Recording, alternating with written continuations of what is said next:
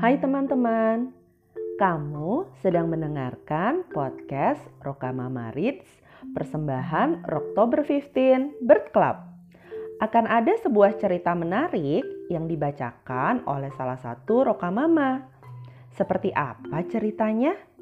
Yuk kita simak bersama.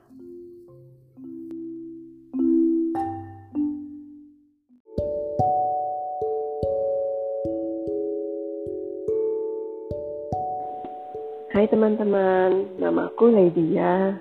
Hari ini aku akan membacakan cerita berjudul Kain Kesayanganku. Buku ini ditulis oleh Amber Stewart dan Lynn Marlowe. Buku ini diterbitkan oleh PT Buana Ilmu Populer. Yuk kita dengarkan bersama. Kain Kesayanganku Bin sudah cukup besar sekarang. Dia sudah cukup besar untuk melompati sekeliling kolam stickleback tanpa berhenti. Dia sudah cukup besar untuk memetik bunga dandelion dan memilih mana yang lezat untuk dimasak oleh ibu. Bin sudah cukup besar untuk berayun-ayun paling tinggi di antara teman-temannya. Sangat tinggi sehingga tawa kecilnya bisa terdengar di seluruh hutan bluebell. Sangat tinggi sehingga perutnya naik turun ketika dia berayun. Bin sudah cukup besar untuk melakukan itu semua. Tapi bukankah dia juga sudah cukup besar untuk tidak lagi membawa kain ungunya? Tidak, kata Bin. Aku suka kainku. Tapi kau bisa kan melakukan semua hal tanpa membawa kain itu, kata ayah dan ibu dengan lembut. Betul, kain itu hanya untuk bayi, kata kakak laki-laki Bin. Itu tidak benar, jawab Bin. Kemudian, Bin membuat rencana kalau sewaktu-waktu keluarganya membuang kain kesayangannya. Dia menyebut rencananya dengan rencana menjaga kain selamanya. Saat pagi hari, Bin pergi untuk menyembunyikan kain itu di tempat rahasia. Dia tidak menyimpannya di ujung kolam stickleback karena mungkin katak akan menemukannya. Tidak juga disembunyikan di antara cabang-cabang pohon yang tumbang di sambar petir karena mungkin burung-burung akan membawanya pergi bukan pula di dalam tanah, karena mungkin tikus tanah akan menginginkannya.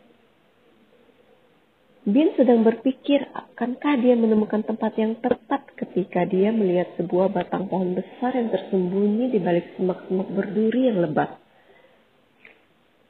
Bin menyembunyikan kain ungunya jauh di dalam batang pohon yang kosong itu dan segera berlari pulang. Dia gembira seharian karena mengetahui bahwa kainnya aman. Tapi ketika hampir waktu tidur, Bin menginginkan kain itu. Dia belum pernah tidur tanpa memeluk kain itu. Dan dia tidak mau tidur sekarang tanpa kain kesayangannya. Akhirnya Bin pergi ke tempat rahasianya untuk membawa pulang kain itu. Hutan tampak berbeda pada sore hari. Semua batang pohon besar itu terlihat sama. Dan sekarang Bin tidak yakin batang pohon mana yang merupakan tempat persembunyian rahasianya. Apakah kainnya ada di batang pohon yang kosong ini? Atau yang ini? Atau yang ini? Oh, tidak, teriak Bin. Rencanaku gagal. Aku kehilangan kain itu. Bin yang sedih akhirnya pulang ke rumah. Akhirnya dia pulang tanpa membawa kainnya, menemui ibunya dan hampir menangis. Bin, kau dari mana saja? Tanya ibu. Pergi mencari kainku, isak Bin. Tapi aku tidak dapat menemukannya. Keluarga Bin menghibur Bin atas tragedi hilangnya kain ungu itu. Ayah membacakan Bin dua tambahan dongeng sebelum tidur. Ibu membuatkan susu panas agar Bin tidur nyenyak. dan kakak laki-laki Bin meminjamkan boneka beruang favoritnya yang kedua. Bin tidak suka waktu tidur pertamanya tanpa kain itu. Begitu juga waktu tidur kedua dan ketiganya. Tapi kemudian pencarian kain itu berubah menjadi pencarian kumbang kecil dan daun semanggi berhelai empat. Dan membuat sarang yang paling bagus dan bermain seluncuran dari batang kayu yang kosong. Sampai Bin tidak lagi ingat tentang kainnya. Suatu hari di musim semi yang berangin, setelah beberapa lama sejak kehilangan kainnya, Bin dan temannya mengejar biji-biji dandelion di bagian hutan yang cerah. Tiba-tiba, dia melihat hal yang aneh.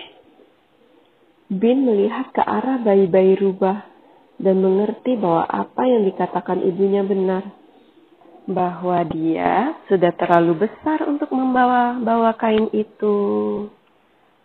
Selesai. Terima kasih sudah mendengar.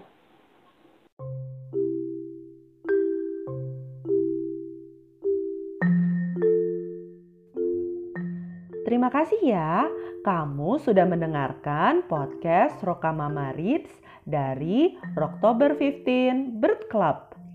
Follow podcast ini dan juga akun Instagram kami di BC Rocktober 15. Sampaikan juga kritik dan saran kamu melalui DM Instagram atau bisa juga email ke tumbc15 at gmail.com. Sampai jumpa di episode berikutnya.